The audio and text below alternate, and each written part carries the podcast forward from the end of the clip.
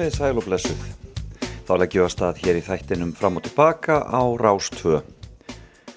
Og ég heiti Felix Bergson og ætla að vera með ykkur allt fram til tíu frétta eins og alltaf á lögutasmotni og það er komin fjórði november, hvorki meira ég minna. Já, svona líðu tíminn. Við gleði og störf. Og það stittir ónefnlega haustið þegar veðrið er búið að gott eins og hjá okkur undanfarið. Já, ég ætla að koma víða við í dag í þessum þætti. E, við byrjum með þetta á lagi dagsins hér eftir smá stund og svo kemur hann til mín Svapnir Sigurðarsson sem er e, markastjóri þjóðlukursins en hann er líka tónlistamæður sem hefur verið að gera tónlist sem við höfum verið að spila á fullu hér á Rás 2. Við heyrum að þess að þeirri tónlist en við heyrum líka fimmunans sem að, e, já, já, svona er eiginlega atvinnusagan frá unglingsaldri og uh, þar kemur margt skemmtilegt við sögu. Það verður gaman að heyri svapni hér og eftir. Og svo allir aðeins að uh, revja upp það sem gerast á deginum og kannski aðeins sögu uh, Fine Young Cannibals hérna í seinir hluta þáttarins. En það er ekki eftir neina býða árið er verður á dagskrá í dag og þar verður árið 2000 undir. Munið þetta því, 2000 vandin og það er allt saman en uh, það er þá sem að Birgitta Haugtal gengur til liðs við Írafár og fyrsta lagið sem við gerðum heitir Hver er ég? og það var það sjálfsögðu smellur eins og allt sem Birgitta kemur nálagt og vignir og þau öll sömul þetta frábæra fólk í Írafár rifjum upp árið 2000 og uh, já, svo fyrir að líða því að svopnir setjast hérna hjá mér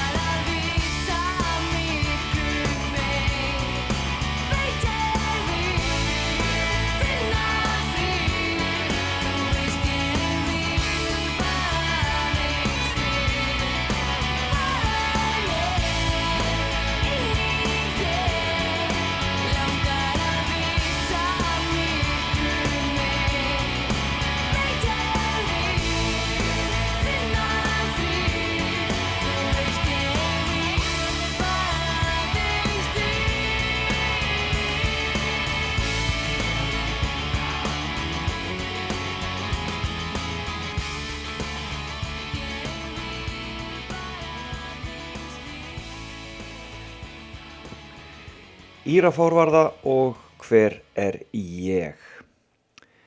Eða hvar er ég? Nei, hver er ég held ég? Já, hvað það sem því líður?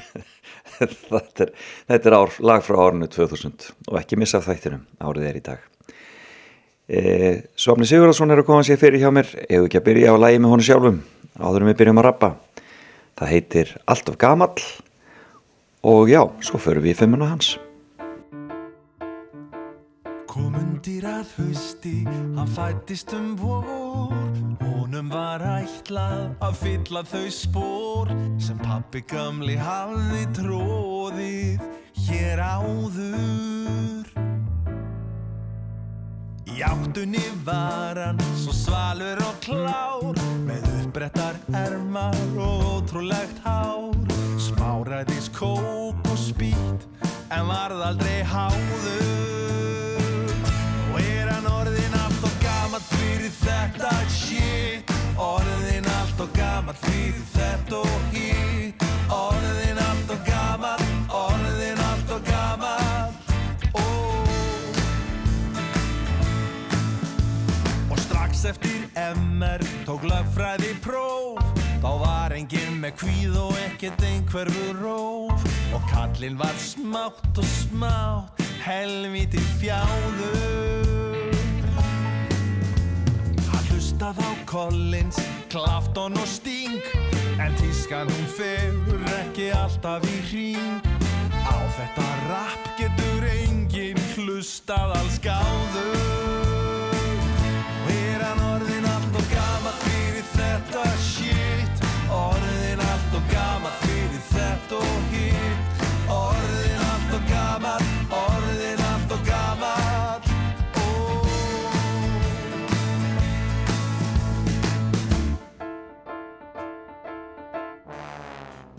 árin þau líðu, hér var svo kallar hrun. Hann átti sjóði nýju en hann hafði engan grun. Misti snekkjun og húsið á spáni. Nú hverfa þau eitt af öðru bílastæðin Og á bara að leggja niður enga bílinn Heldur þessi dagur bjö að ég sé bjáni þetta shit. Orðin allt og gaman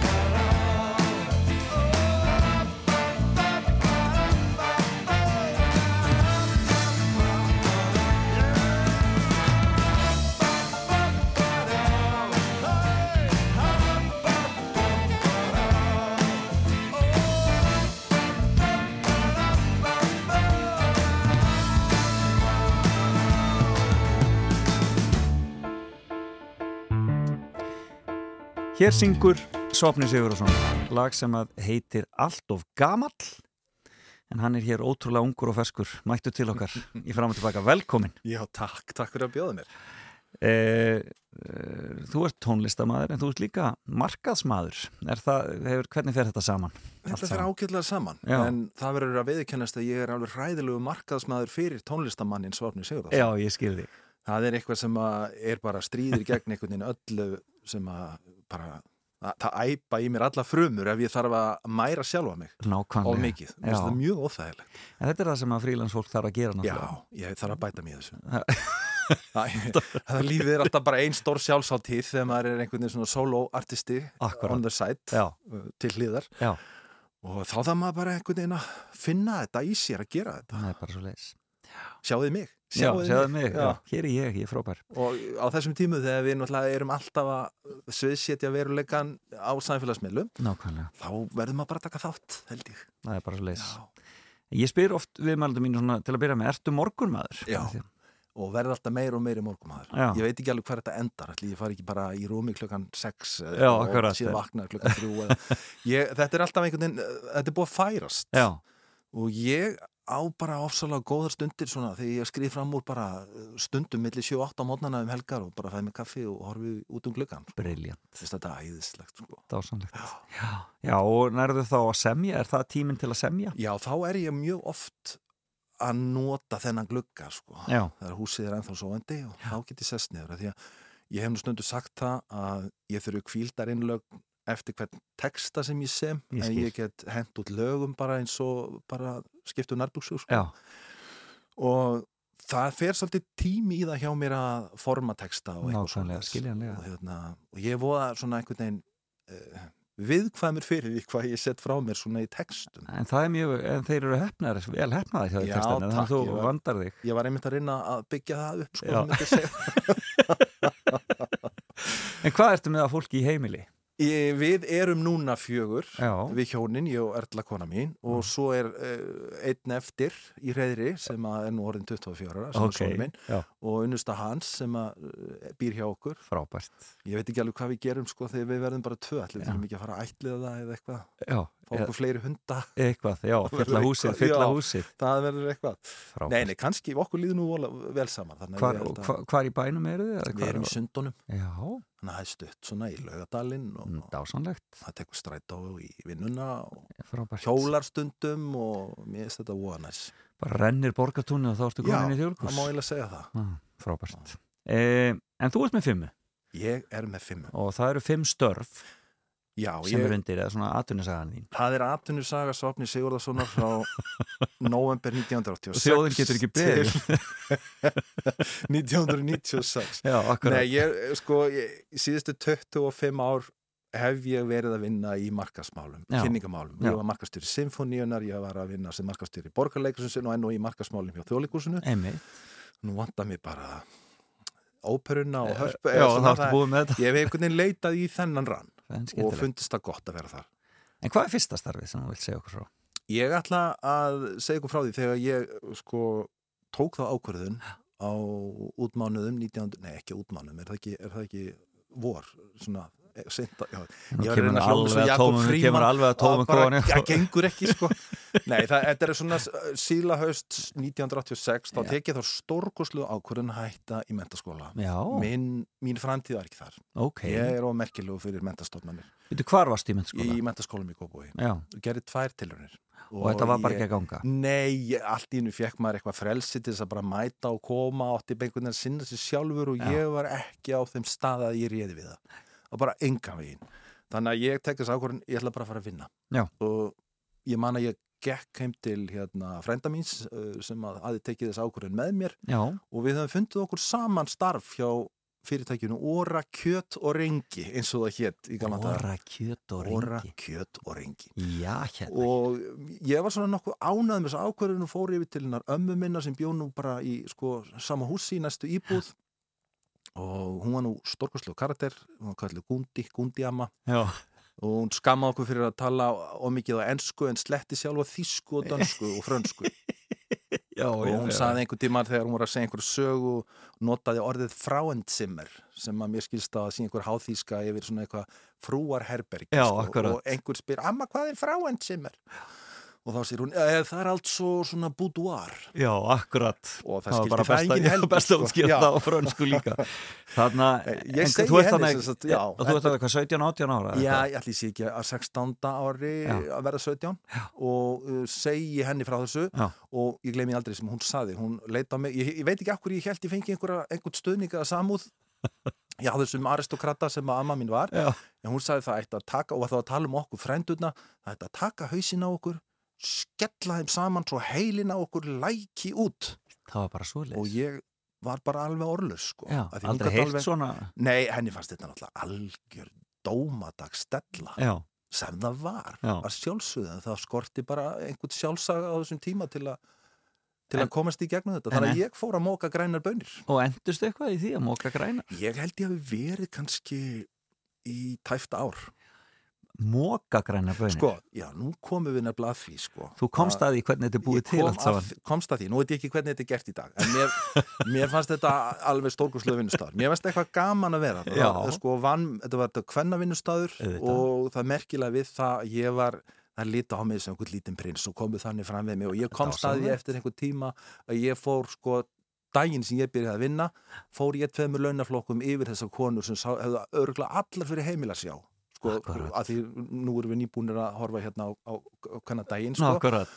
að þá, og mér fannst það mjög skrítið þá hvað hérna, af hverju einhver 17 ára fengið hærri laun heldur en þessa konu. Já, er ég komið bara einhvern tveimur launaflokkum ofar Þetta er magna þetta er svo skrítið. Já, en það er, hérna, já, ég var í miklu metum allavega Ó. í minningunni já, þannig þér var hampað mér var hampað en þetta fór þannig fram að ég yfirleitt byrjaði daginn á að mæta í svona hrollkalt eitthvað út í hús og það voru einhverju sekkir af svona hörðum bönum Já, sem ég skar og held í svona risastort kar mhm, svo var einhver blanda sett í það þetta, þetta matlaði svona í einhvern sólarring sko. Ókei. þannig að þetta mýktist upp Já.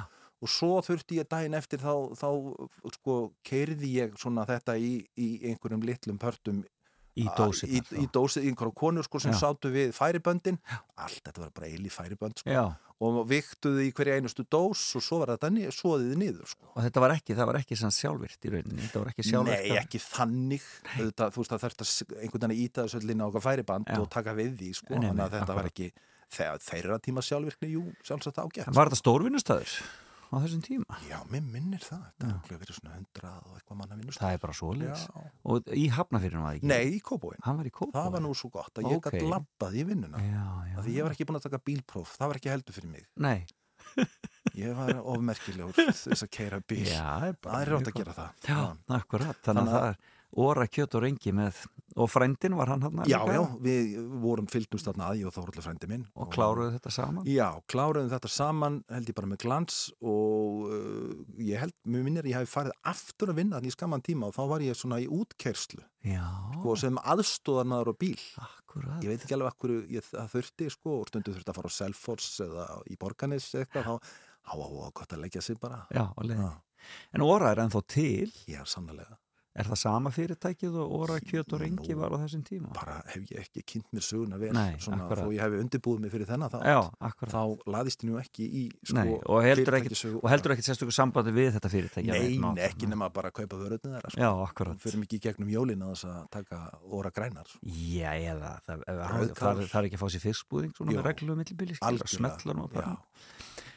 Þarna, en er, ólstu upp í Kópói? já, er bara Er, er, það, er það langt aftur sko, bara mamma er eiginlega innfættur kópáðsbúi Ok, um, og það er náttúrulega ekki svo Það ekki það svo ekki, margir, sko. því að það er náttúrulega, og- þetta er svo ungur bær. Já, algjörlega og Leifur heitin Haugsson og fleiri sem voru þarna í Vesturbænum í Já, svona svipur ekki að ég held. En pappi flyttur sem sagt í bæinn hann flutti á á bæ sem heitir Sandólaferja í Rangáðallarsýslunni ok. Ég man nú ekki hvað hann er gammal 12, 13, 14, þannig að hann verið unglingur. Já. og hann kom að kvöldi og það var blind þrefandi myrkur og hann, það bara fór að var þreyttur og svo vaknaði hann og hefur líst í hvernig þetta var að horfa ganga út í daginn og hann vildi sjá þennan aldingarð sem þessi nýji staður væri sem hann er fluttur á. Og þá er þetta bara einhverjir örfóka melar og, og ekki stingandi strá. Já. Og hann fekk menningasjók Og var það þá Reykjavík eða Kópó? það var kópú, Það var, það var bara Já, veist, það var náttúrulega ekkert þar Nei, það var hvað hann tvillaði einhverjum bílum og, og örfáir sumabústaði ríkra reykvíkinga en ég veit ekki okkur þeir byggðu sér sumabústaði þarna. Byrjaði þetta ekki eiginlega sem svona kartóligarðar og svoleiðis Þetta var Jú, svona, þú veist, þetta var, þú veist að, og þetta var hluta selt sig Jú, og hluta seldansi. Síðan er, hérna, hefur þetta nú heldur betur byggstöð. Akkurat Þannig að ég ólst upp í Kópáinum og mamma og pappi voru mikli kraftar í leikfélagi Kópáist, þau léku Ókei, mikið og, og, hérna, og voru bísna góði leikarar þó ég hafi þurft svolítið langan tíma til að sjá það. Þorlagur þreytti og allt þetta það- það var- það var á þessum tíma.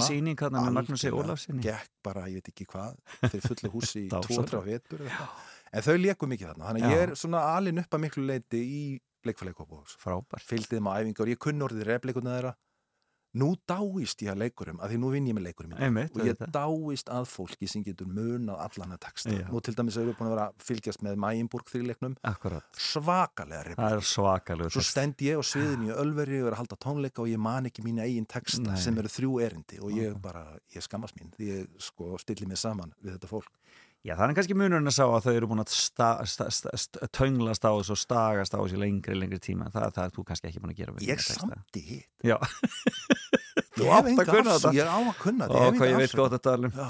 Heyrðu, næsta vinna. Næsta vinna, Já. já. það er saga segja frá því uh, Ég hef nú meira þess að gert þessu skil í poplægi Ok, af því þetta var stórkostlega reynsla. Hvað var reynst Þetta er sumari 1980 og 7 líklega sem að 86 Þá fer ég að vinna í Malbyggi Ok, og það er auðvitað, auðvitað var félagskapurinn, við vorum þarna náttúrulega, frændurnir líka og einhverju bræður, þetta var svona fjölskyldu fyrirtæki svolítið. Og það er eitthvað stórkoslitt við að standa sko á galastuttbuxum, bera ofan á fallum sumardegi og horfa yfir þennan svarta akur akkurat. sem malbyggið er, sem þú er lagt og þetta þarf að gerast allt hratt og og manni líður eitthvað merkilegu með sig. Þannig að það er eitthvað óla fallegt við Malbyggið Hvaða, hvaða fyrirtæki var þetta? þetta hétt HG Malbyggun þetta voru bræður, sem sagt, maður frængu minnar Ok, og bróðir hans sem rákuðu þetta fyrirtæki lengi vel. Þannig að þetta var svona lítið til þess að gera uh, fyrirtæki, Malbyggunum fyrirtæki og við vorum þarna flestir svona frændur, bræður, kunningjar ok. og uh, það var svona mikil eining og, og góður andi. Þetta voru aðal töffararnir Já, segðu maður. Núna ekum maður fram hjá malbyggun og framkvæmdum og maður, sko, þá lækka ég alltaf, sko, setja rúðuna niður til að finna lyktina, Já, sko, af akkurat. glössanum og svona, fá þetta ómengað, en þá uh, sýnist mér einhvern veginn eins og það, ætla þessi ekki búið að innlega einhverja európlur Já, það má ekki lengur að bera ofan það sem fyrir að vera í einhverju kafarabúningi. Já, það er alls ekki bera ofan og ekki stuðbuxum og, og ekkert sexy, Nei, ekkert sexy við þetta lengur Hvað við vorum sexy. Já, nákvæmlega. Jésús er, bara, Þannig að þetta- eftir, þú er bara eftir þig. Ég bara, Eftir ég þarf bara, mér setur bara hljóð. Við skulum, við skulum heyra lagi þetta Malbyggsvísus hér á eftir. Já, En varstu í þessu, já þetta var sumavinna já, þetta voru nokkuð sömur En varstu þá komin í skóla þarna? Nei, ég, veistu það ég fann aldrei einhvern veginn leiðina inn í svona hefbundi nám aftur. Nei, ok. En hvað ég varstu fór- þá að gera á veturna ef þú varst í þessu á sumrin? Sko, þá er það eiginlega starf nummið þrjú sko, Ok, sem sem var konur í, en ég vil kannski fara allt úr hratt Nei, nei, alg, alls ekki.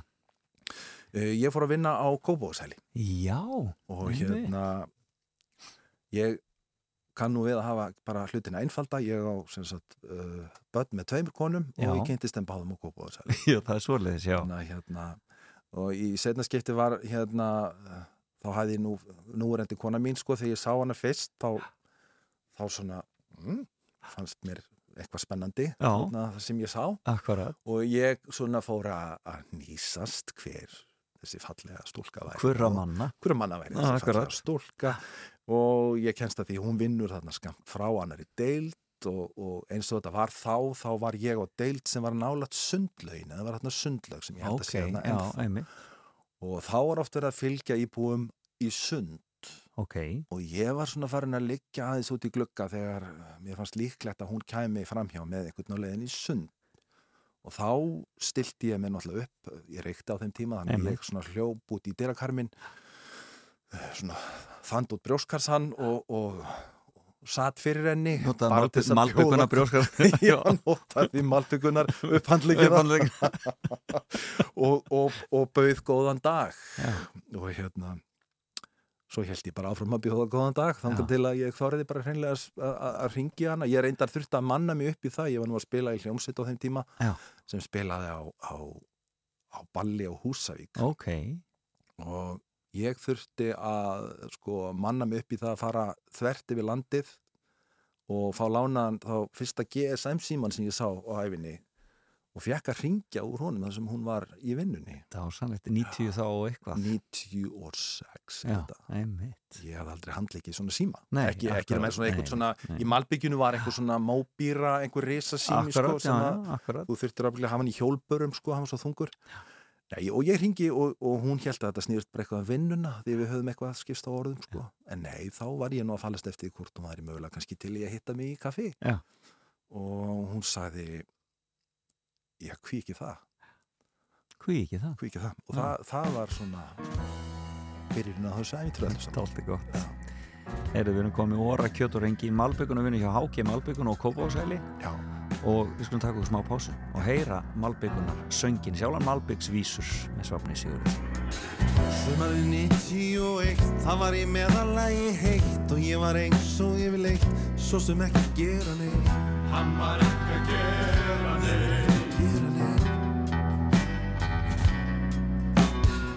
Áskyndilega fóru hjá með miklum drunum svo með brá Stóra vélar einn var þrjár með vaska drengi aftan á Þeir voru nokkrir aftan á Þeir voru nokkrir aftan á Ég stökk að stati þess að gá, veit ekkert hvað ég var að spá. Hvort vinnu væri þeir að fá, svarið var einfalt, það var já. Hann þegar vinnu segi sig já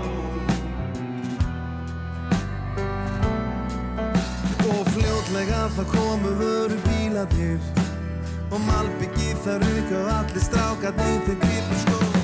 Ég fann frelsið upp á malbyggunum ég Með vind í hárinu og með ég býði mér. Held mér hafi aldrei liðið svona vel Því ég fann frelsið upp á malbyggunum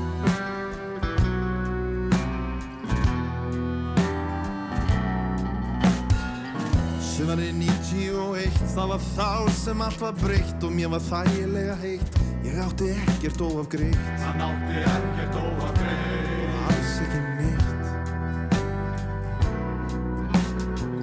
Ég hugsa oft til þess í dag hvort ég ætti að skipta um fag og finna gamalt bræðra lag og malbygga hvert moldaflag. Hann vil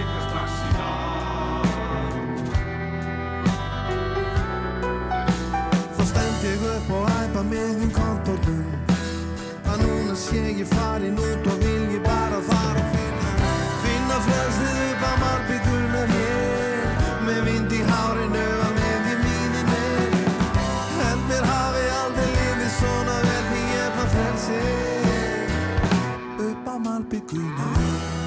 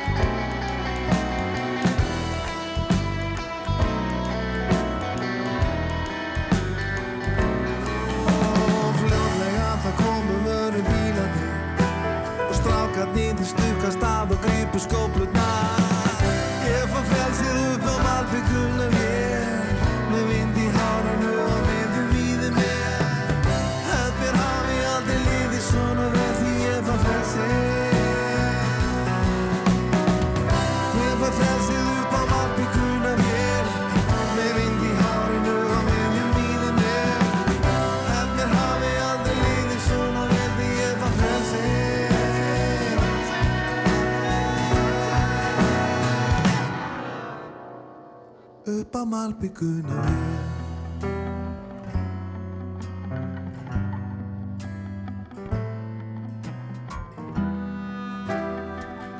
Þetta eru Malbyggunar vísur og þarna syngur viðmældi minn í dag, Svapni Sigurðarsson eh, og við erum að fara í gegnum eh, fimm störf í fimmunni hans. Við erum búið með Óra, Kjöt og Rengi Malbyggunar vinni hjá Háki Malbyggun og svo Kópa og Sæli eh, og svona áður við sleppum því alveg hva, hvað varst að gera á Kópa og Sæli? Hvað var svona starfið þar? Varstu um, gæslumadur eða hvað heitir þetta? ég man ekki hvað hét. Nei, bara starfsmaður ég almennur bara starfsmaður, já, Já. bara starfsmaður. Við okkar hlutverk var bara að sinna íbúum og, og, og sjá En fenguðu þá einhverja mentun til þess eða svona, Já, það voru haldin námskeið. Já, og auðvitað var þetta annað tími.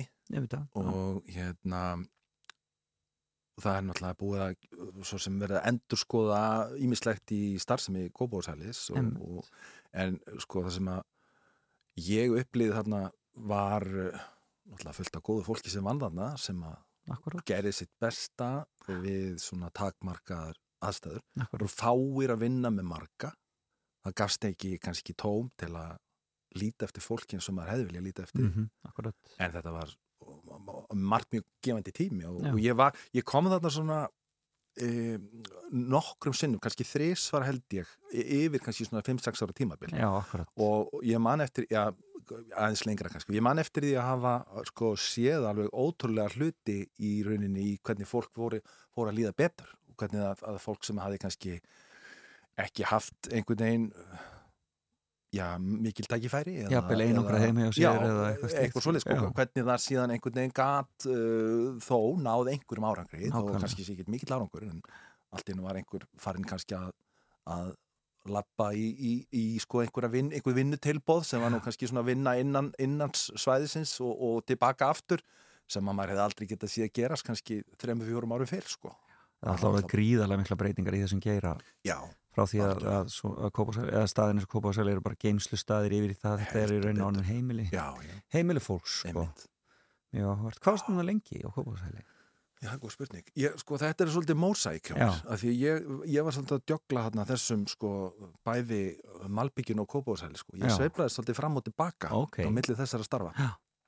En uh, svo er það þarna, hvað, upp úr 91, að þá grýpur mig einhver undarleg þrá. Já, og uh, ég hafði alltaf haft gaman að því að hérna, takast á við matreslu. Gaman Já, að elda og ok. og ég sagði þarf ég ekki bara gera eitthvað í þessu? Sko. Þannig að þá komum við að sko, fjóruða starfinu sem er hvað ég fór og, og læriði matrislu Já, já, já ég klá, að- kláraði nú aldrei sko. Nei, ég var fórstu- ekki mikið fyrir að klára hluti Nei, akkurat, en, en ungur fórstu maður. þá í hótel og veitingaskólan já, fór þar í, í, hérna, einn, í, í það sem við kallaði fyrsti bekkur þá Já. En þá var ég semst á samningi hjá, á Hotel Loftlið sem þá var hér sko. ok. og hérna sem engin mann lengur Sem ein- nema svona gamli kallar Nei, akkurat, það, hérna, fólk horfið bara á manni sem maður sé skrítir Natúra, Loftlið. það heitir vist Natúra Já, núna eitthvað, heitir allt eitthvað svona fínum, fínum erlendum, Nei, nei, það hvernig hér var- nú bara Hótel hvernig, loftliðir en hvernig var að vinna þar? Það var æðislega gaman Já, Ég hérna bý ennþá að þessu og ég vann reyndar í heilt ár eftir að því ég gafst upp á þessu námi. Mér finnst þetta eiginlega hálfglata að vera alltaf að vinna svona kvöldin og ég helgar. Ég koma með börn og, og, og mér finnst svona slæmt að vera alltaf að einhvern veginn ef maður vildi gera eitthvað, spila fótbolta einu sinni tvisar í viku eitthvað, þá þurftum maður alltaf að sleppa aður hverju skiptinu af því þetta er alltaf voru svona tveir, tveir, þrýr vaktin eins og að kallast og hans tvo daga og þrý en lítil laun er það ekki þannig Jú, þetta er ennþá ég, þessi ég var þarna- alltaf var í, í, námi Einmitt, þannig sko, að ég já. fekk sko ræðileg laun Einmitt, en, en uh, það var bara þannig var það bara Já. og maður er bara einhvern veginn liðið því og, og þetta var rosa mikið líf var, þetta var stór vinnustaður þetta var svona rest og skemmtilegt fólk eins og Akkurat. kannski svona kokkar og þjónar eiga, eiga kyn til Já.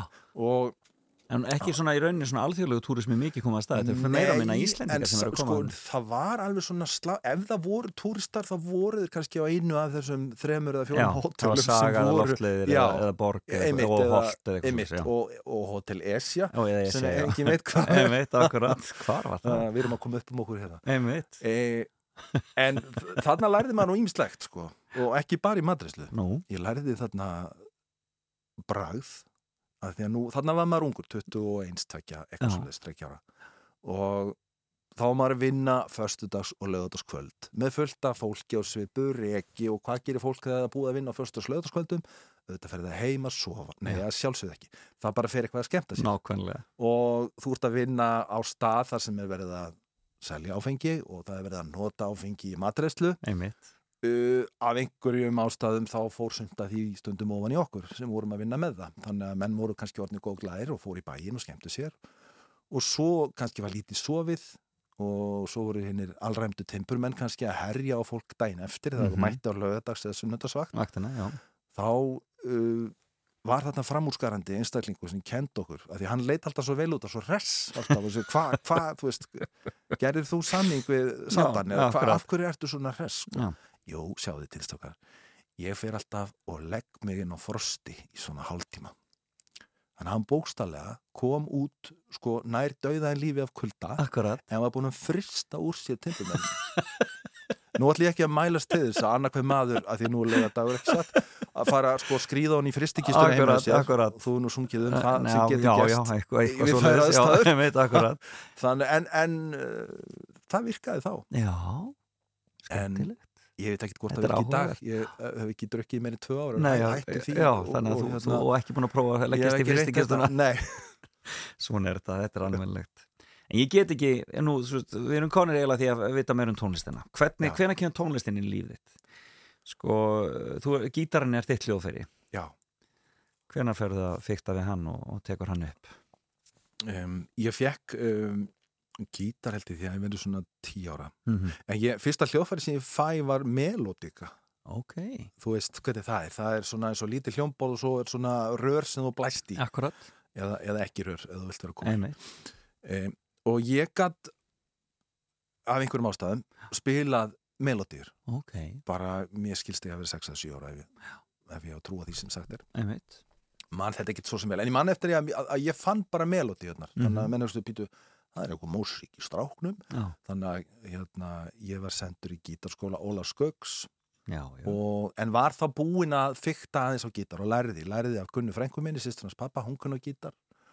Og mér fannst þetta alveg magnað sko, hún kendi mér hafblá hafið sem var sko G og, og, og D7 og, og þetta, ég held ég að tekið heilan dag í þetta sko. Já, og náði þess svo, lærði svo fleiri hljóma mætti svo í tíma til Óla Skauks og pappi skráði mig sem byrjanda og þar þar var G7 lögð upp og hún var hömruð í 45 mínútur og mér fannst þetta einhvern veginn ekki vera staði fyrir mig. Nei, ha, en ekki á ný, en að taka en á ný Aðrir, akkurat aðrir geta verið í þessu.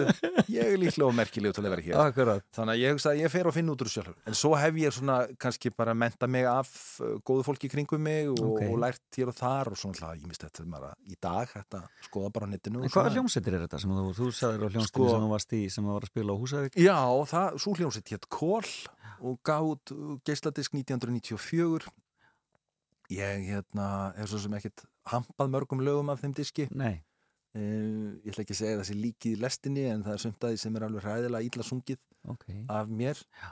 og Átni Mattiasson skrifaði nú á þeim tíma að þetta veri afleitur söngur var sem, já, sem fór náttúrulega eh, það, það meittir náttúrulega 24 ára Já, manna ambisjónir já. en það var alveg rétt, þetta var ræðilegt sko.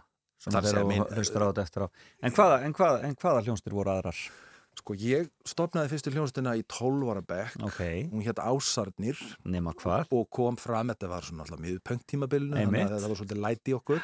82, 83 Já, svona, eh, en við vorum ítla búnir áttum ekki mikið að hljóðfarum við fengum lánaðan gítar ramaskítar, ég haldi spilað ramaskítar Já. og viðkomandi hafði tekið efst á neðsta strengin úr að því hún fannst það meira töff.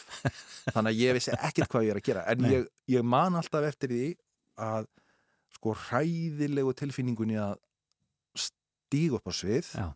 og þessar stórkurslegu vímu að stíga af sviðinu Já, þegar það var búið Já, Já. þá gekk eitthvað, eitthvað til í, í, í höfðinu á ungum dreng og hann sagði, hérna er eitthvað sem að hér hérna er eitthvað sem ég ætla að gera og síðan erum við svona að- hérna alltaf að, að búa til einhverja hljómsveitir sem unlingar, ég var nú svona hjekku utan á hljómsveit sem ég heit band nútímas og tók nú þátt í músiktelrönum mm. Mhm. E, þegar dúkkulísunar unnu Já, þá eru þeir í öðru sæti sko, Já, var einmitt. og svo voru stopnaði fleiri hljónstir svo bara e, flytti ég þarna til Danmörkur 90 og hvað? 6 Ok, og við komum þá að fymta starfinu og eftir sko, Ok. sem að var á danskri grundu sko. ok.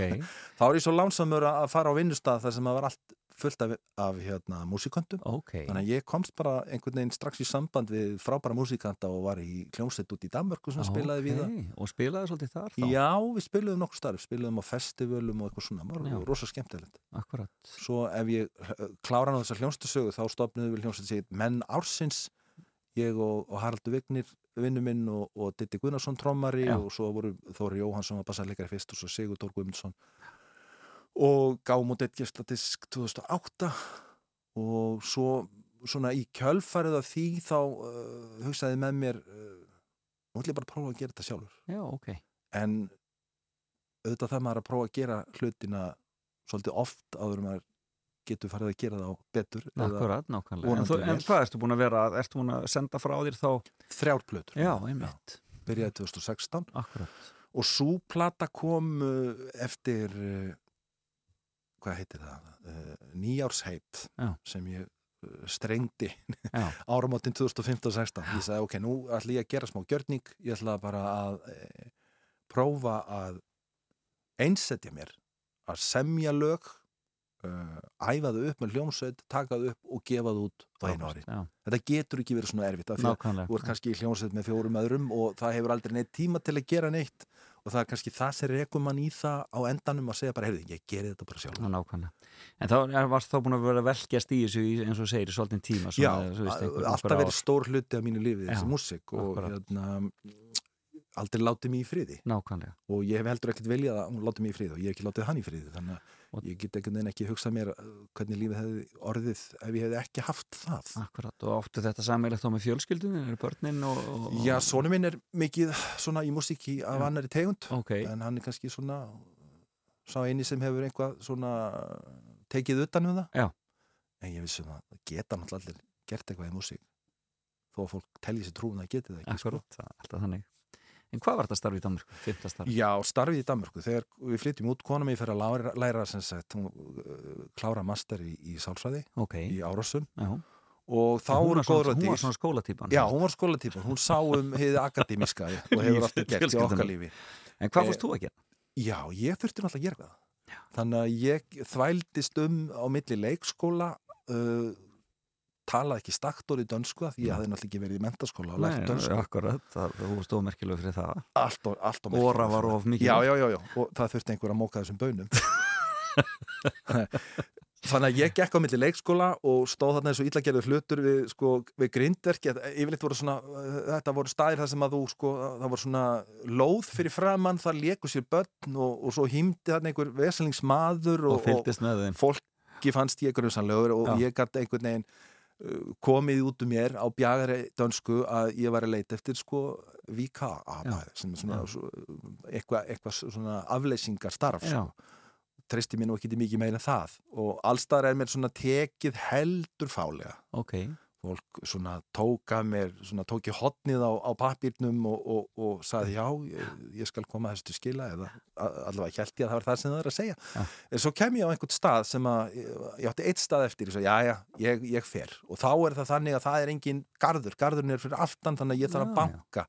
Og þá opnar einhver vinaleg kona og ég er náttúrulega búin að æfa mig á þessari setningu held í 5-6 sinnum. Einmitt. þannig að ég gætt komin inn nokkuð bjagað, óbjagað út um mér og hún segir, heyrðu, já, augnablik, kontu með og, og dregur mig inn og dregur mig inn á kontor hjá sko leikskóla stjóran svo þá er maður kannski um færtugt uh, 45 ára kannski. Einmitt.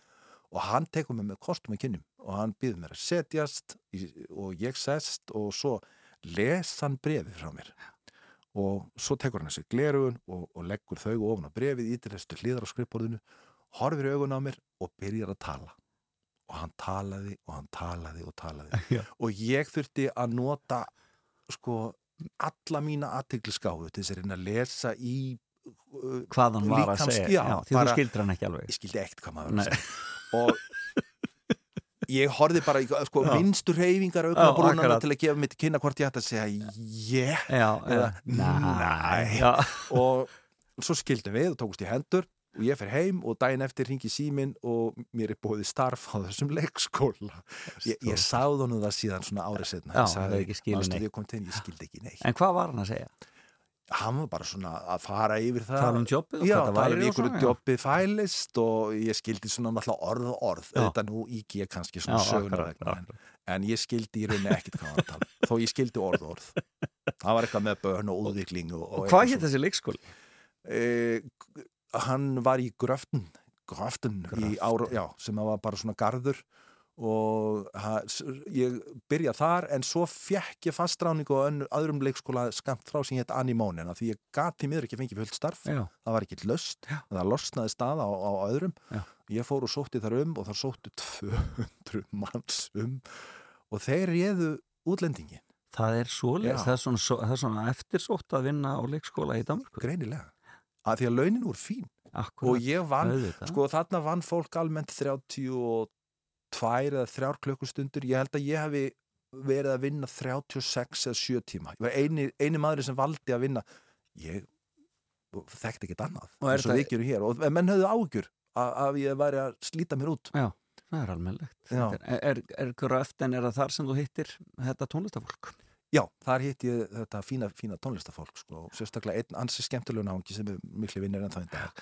Hann heitir Frank, hann er það sem kallað er konferencier á svona mörgum festivalum, hann er svona Ókei, kynir og já. hérna Skanniborg festival og Samsu festival Ok. og, og, og svona stór og skemmtileg típa og er líka músikant. En og hefur gefið tónlist, hann kom hérna og spilaði með okkur einu sinni. Já, þannig að hérna taugindi Danmerkur þeir eru það er svo margt sem ég elska við Dani og Danmerku en svo get ég stundum láta að fara í töðnum já, já, skiljanlega. Já. Það er bara eins og allt. það er bara heilbrygt held ég En svo, eh, sem sagt, komið aftur heim já, eftir mastersnám hjá frúnni já, og hún fer að vinna á sinni sinni sálfræði og ég fer síðan að og þá koma markasmálin. þá einhvern veginn bara detti óvart inn á auðlsningsstofu Já, ég held að þetta er sko sömari nei, jú, þetta er sömari 99 Já. sem við flytjum heim frá Danmarku þá er gríðalur uppgangur hér Já. og ég gatt valið úr held ég bara þremur störfum. Þetta var ótrúlegu tími. Mm og síðan hef ég setið fastur og fór og læriði reynda markas og útflutningsfræði í endum endum tók svona sem ég svipaði bara kent í viðskiptafræðinni hér. Frábært, þannig að ég, ég hafði það nú af Já,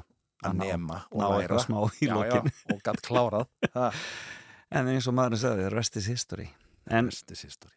svo, af því að þú ert nú að þekktastur fyrir tónlistina hvað er að, hvað, hvað gerist næst? Ertu að áfram að semja? Ertu, þetta, þetta gengi gríðarlega vel, síðastu platan alltaf bara að fá Já. frábæra, frábæra viðtökur og Já, hérna þú, segir það Já. já, já, já ég, ég, ég meina við erum að spila þeim já, já. fullt hérna á já, rástöðu heldur betur og, ég hérna, og aldrei menn að mæra þig á internetinu þó þú gera það ekki sjálfur Nei Já, takk fyrir það og takk fyrir að spila músíkina. Það, það heldur betur verið hérna, Rástvö hefur verið haukur í hodni hérna, og er það fyrir tónlistamenn íslenska tónlistamenn sem ætla að komast áfram þá er Rástvö bara hinn helgi gral en þú varst með stóru tónleika núna bara Já, ég var með tónleika á Ölveri hérna, og það var bara fullt hús og, og rosalega skemmtilegt og frábær mannskapu með mér. Já, frábært band. Og hérna, ótrúlega gaman og, og þú svo- býrð svolítið vel að þessum kópavóðs en alltaf svakalega mikil músík hérna, í þessum, þessum hópi í kópavóðinu Já, já, ald, aldeilis sko. Þetta eru- aðeins yngri en ég, kannski Haraldur Já, hérna, þeir eru aðeins yngri, já. Og hérna, náttúrulega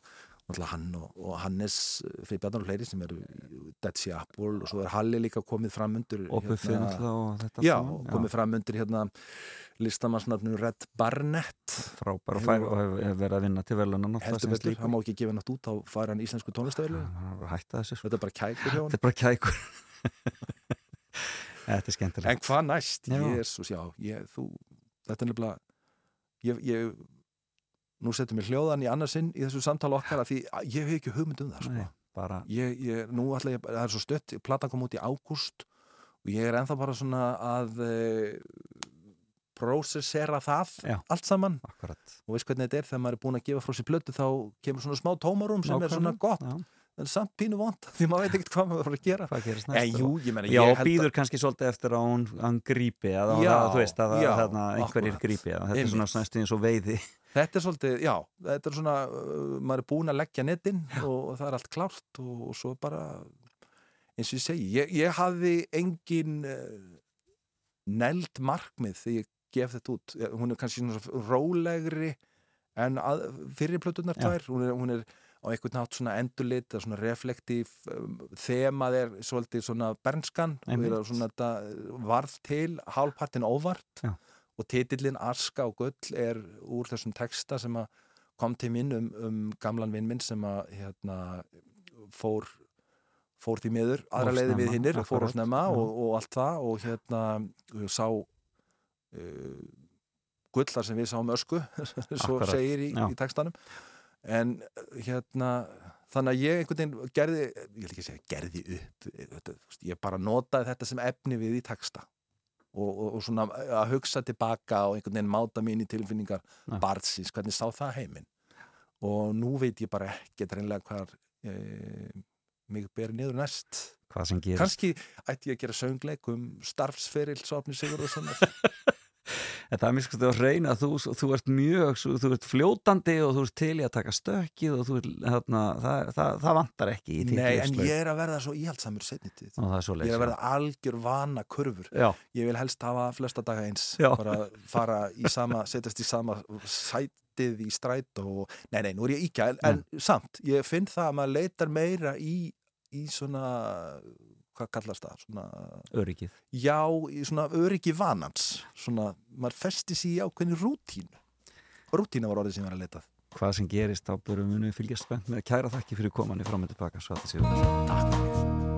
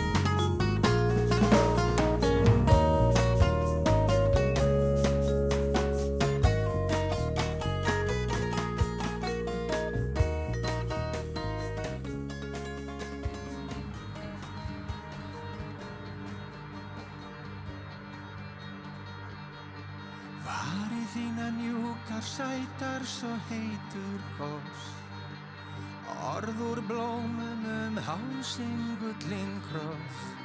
Ef ég segði ég finn ekki til þá er það ekki satt. Ég faldi það bak við grímun að leta líkja kjört Ég hefði betur ástinn mín spur Eins og dagur og nótt verða á ávart aðskilinn. Eins og sól og máni þannig erum við vinur minn.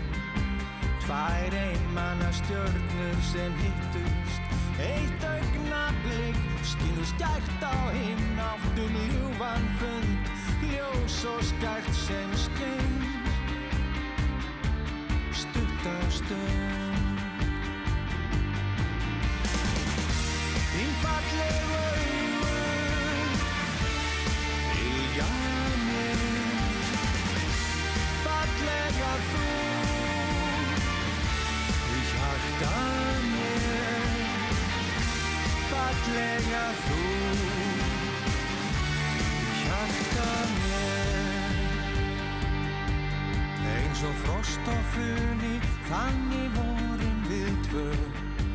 Eins og þrýr pluss þrýr Þar sem útkoman var sjö Þinn heiti faðmur Þínar mjúku varir, sama hvað við vildum, fengum engum ráðir, gátum engu breytum, tíma slóu, hjört okkar sem er.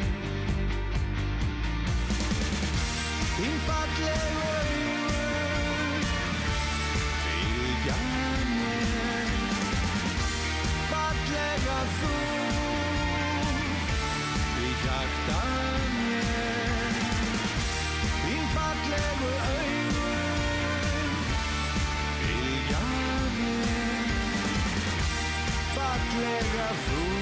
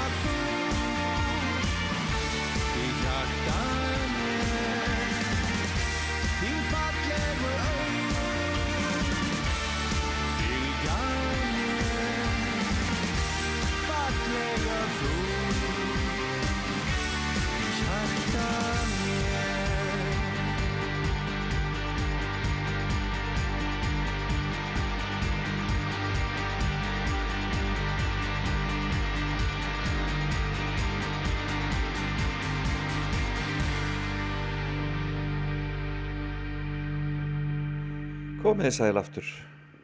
Þá höldum við áfram í fram og tilbaka á þessum ljúfa lögutasmóndni 4. november.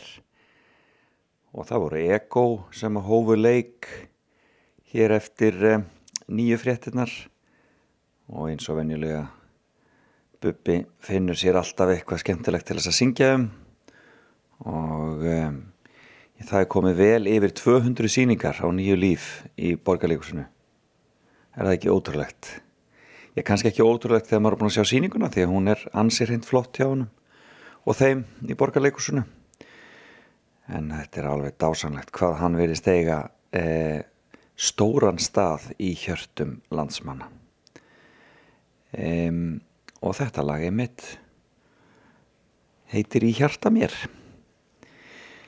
En Supertramp voru gríðarlega minnsalir hér á árum áður og eru sjást enn hjá einhverjum. Rifjum upp Logical Song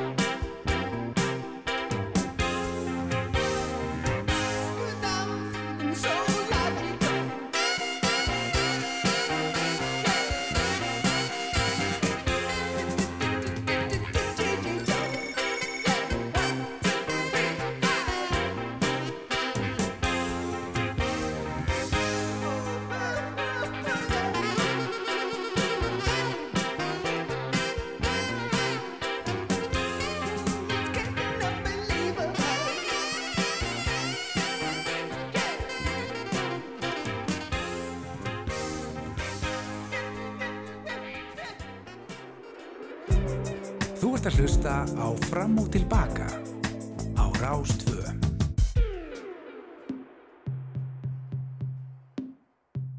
When the night is still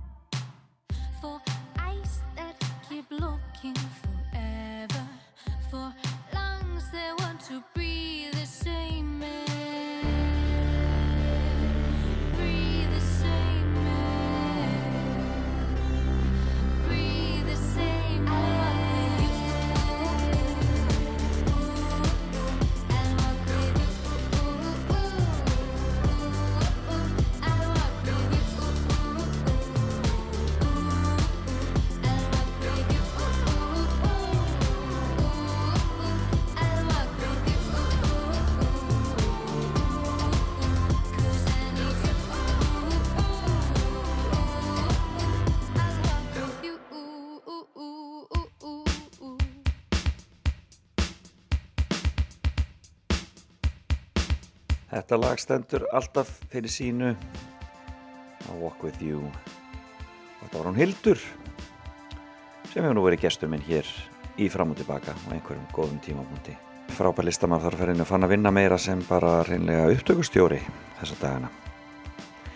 En kíkjum á það sem gerist á deginum. Í dag, 4. november Já, það er ímislegt sem að gerist á þessum degi og það er svona, maður sér það svolítið á Wikipedia, það eru mennur svolítið upptegnir af bandarískum fórsetakostningum því að yðurlega eru fórsetakostningar um þetta leiti í bandaríkjónum og hér eru nefndir nokkrir fórsetar sem eru kostnir á þessum degi og kannski þeirra þekktastir Barack Obama sem var kosin fórseti bandaríkjana á þessum degi árið 2008 og Ronald Reagan sem segraði Jimmy Carter í fórsetakostningum árið 1980 Jimmy Carter er náttúrulega búin að lenda í ymsum remmingum sem fórseti og kannski svo stæsta var hafði gerðist akkurat ári fyrr 4. november 79 þegar að gíslatakan e, mikla í Teheran átti sér stað þegar 300 íranski stúdendar herrtóku bandarska sendiráði í Teheran og tóku 52 gísla það var ro rosalegt í fréttonum á þeim tíma og þá held maður nú bara heimurinn væri komin að heljar þröm hversu oft höfum við lent í því en um, um, það var hreikalegt sjóslis um, árið 1897 á þessum degi þegar fjórir bátar fórust á Ísafjörða djúpi í Ósaveðri og einn á skjálfanda og með þeim 22 menn hugsið ykkur, þetta er alveg hreint með ólíkindum þetta er ekkert smá slis þarna árið 1897 þann 4. november og e, þessar hetjur hafsins. E, hvað menn þurftu að gangi gegnum til þess að geta stunda þessa sjó sókn á Íslandi? Ólíkjöndum og fjölskyldunar hvað þetta er mikil sorg.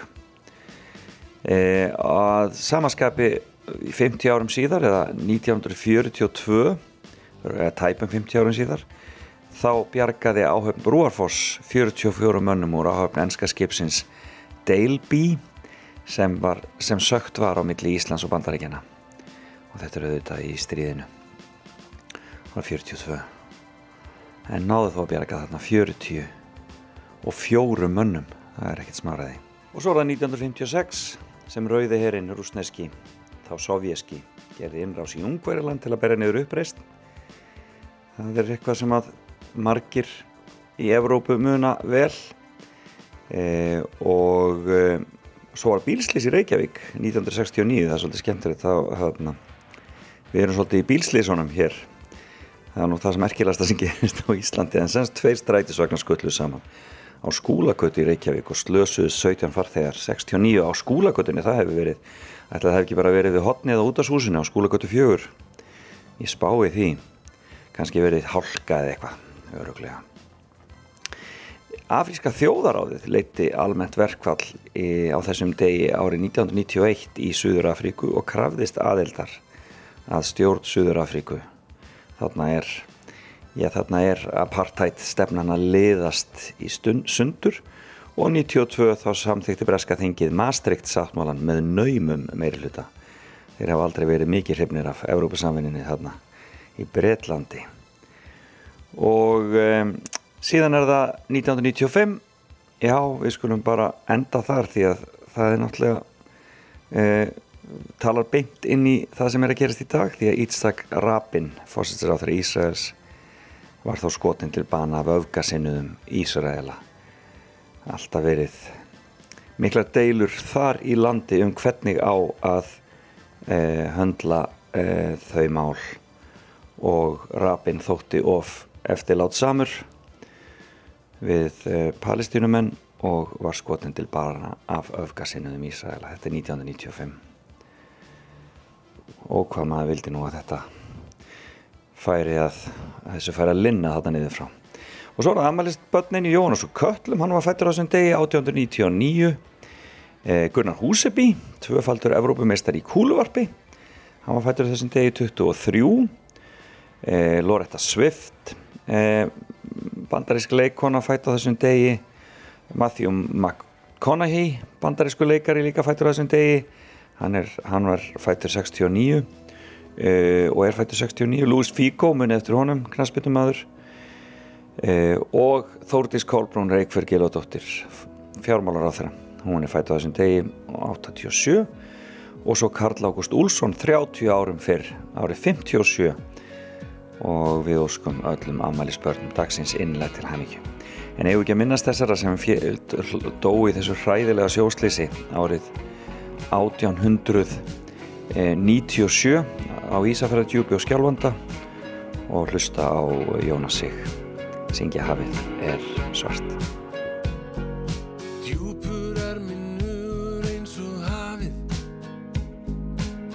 Samt aldrei hugsað þín Sátum först í sama hugar fari sem byrði okkur sín ástin mín. Oft mér byrtist mynd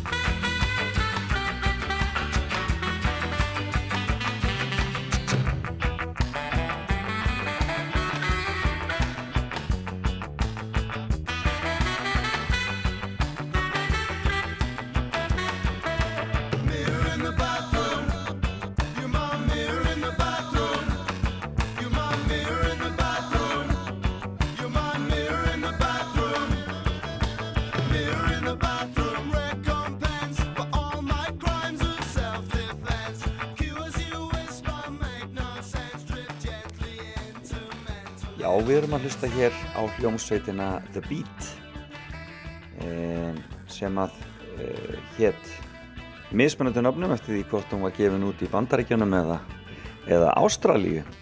Eh, en eh, gekk nú svona, var svona frægast undir þessu nafni. Þetta var hljómsveit sem að var uh, á, að vinna í Breitlandi í kringum 1978 og eftir það svona fram á nýjönda áratuginn og þótti gríðarlega efnileg. En e, þetta er lag sem var svona þeirra vinsaliðismellur Mirror in the Bathroom og komst í fjóðarsætu breska vinsaldalistanum e, opbáslega frist og skemmtilegt pop á ferðinni. Og þar í þessu bandi voru tveir menn. Já voru nokkri menn en þá voru tveir menn sem að heita Andy Cox og David Steele. Gítarleikar og bassarleikari sem að vildu fara sína eigin leiðir og stopna sitt eigið band. Og uh, þeir fóru svona huga því í kringum 1984-85 að stopna nýja hljómsveit. Og þeir auglist eftir söngvara, þeir vildu bara vera tríó. Og sagan segir að þeir hafi prófað einhverja 500 söngvara og fengið allskynns teip.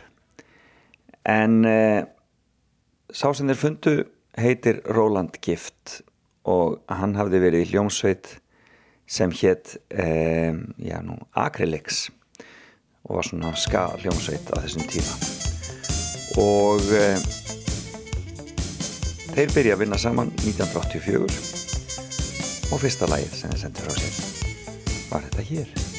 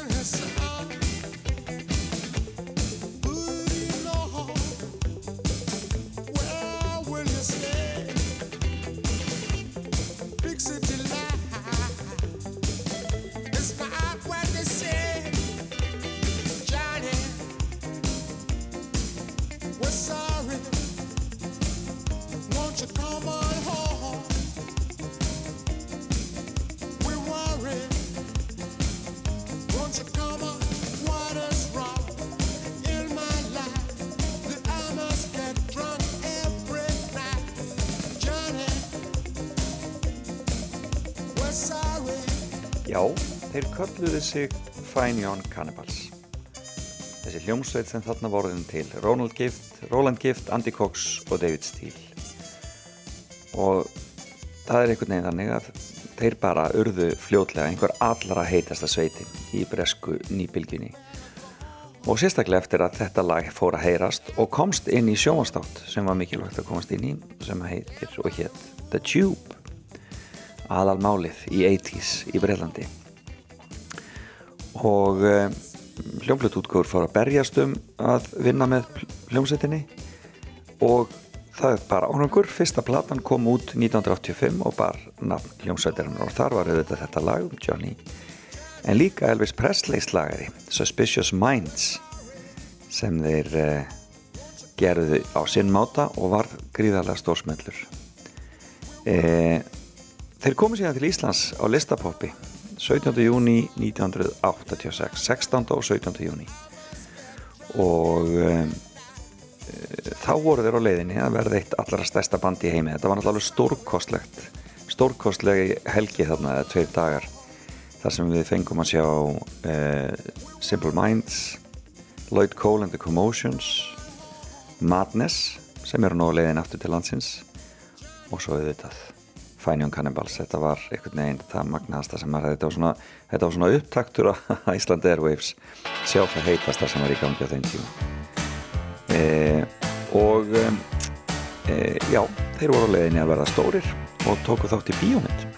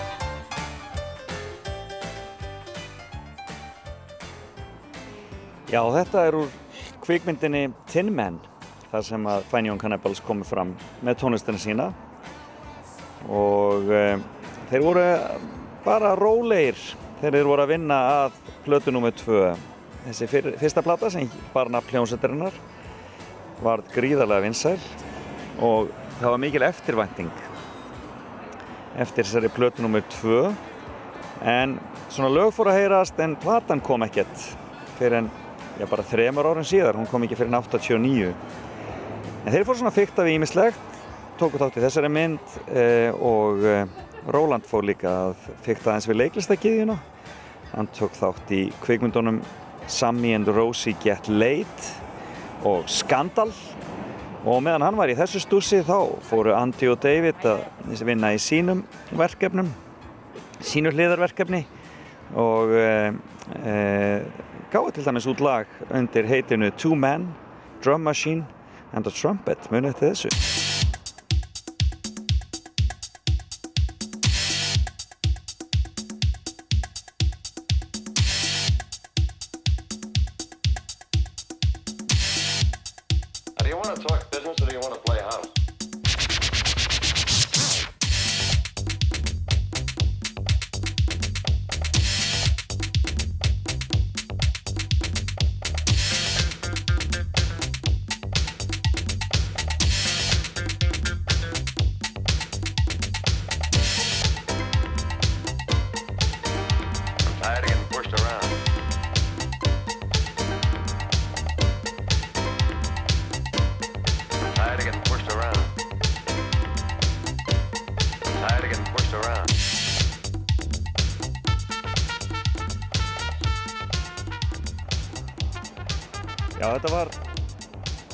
Tired of Getting Pushed Around með hliðarverkefni e, strákana úr e, e, Final Cannibals, Andy Cox og David Steele.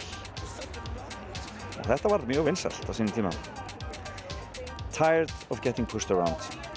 En hvað er það? The Raw and the Cooked hétt hún, platan sem kom síðan, þessi mm, mikið Já, sem að menn höfðu mikla væntinga til, mikið, mikið beðið eftir annari plötu Young Cannibals. Hún kom út árið 1989 og gerði hreinlega allt vittlust, fór beint á toppin bæði í Breitlandi og svo síðar á árinu í Bandarækjunum var það eina söluhæstu plötum ársins, þeir segja hún sé búin að seljast í einhverjum fjórum-fimm miljónum eintaka, fór á toppin út um allan heim. Eh, en af einhverjum ástæðin var samstarfið millir þessara þryggja ekki alveg komið til að vera. Og hljómsettin lagði upp laupana árið 1992 kom þá saman árið 1996 í tilefn af samplötu og gerði eitt lag sem heitir The Flame og var nokkuð vinsalt. En það sem flesti mun eftir er lagið sem að gerði þá í rauninni, já, risastóra. Það var alþjóðlega smellur sem fór, já, út um allt og heyrist enn þann dag í dag. Og þar skulum við enda þessa litlu umfjöldunum Fine Young Cannibals. She drives me crazy.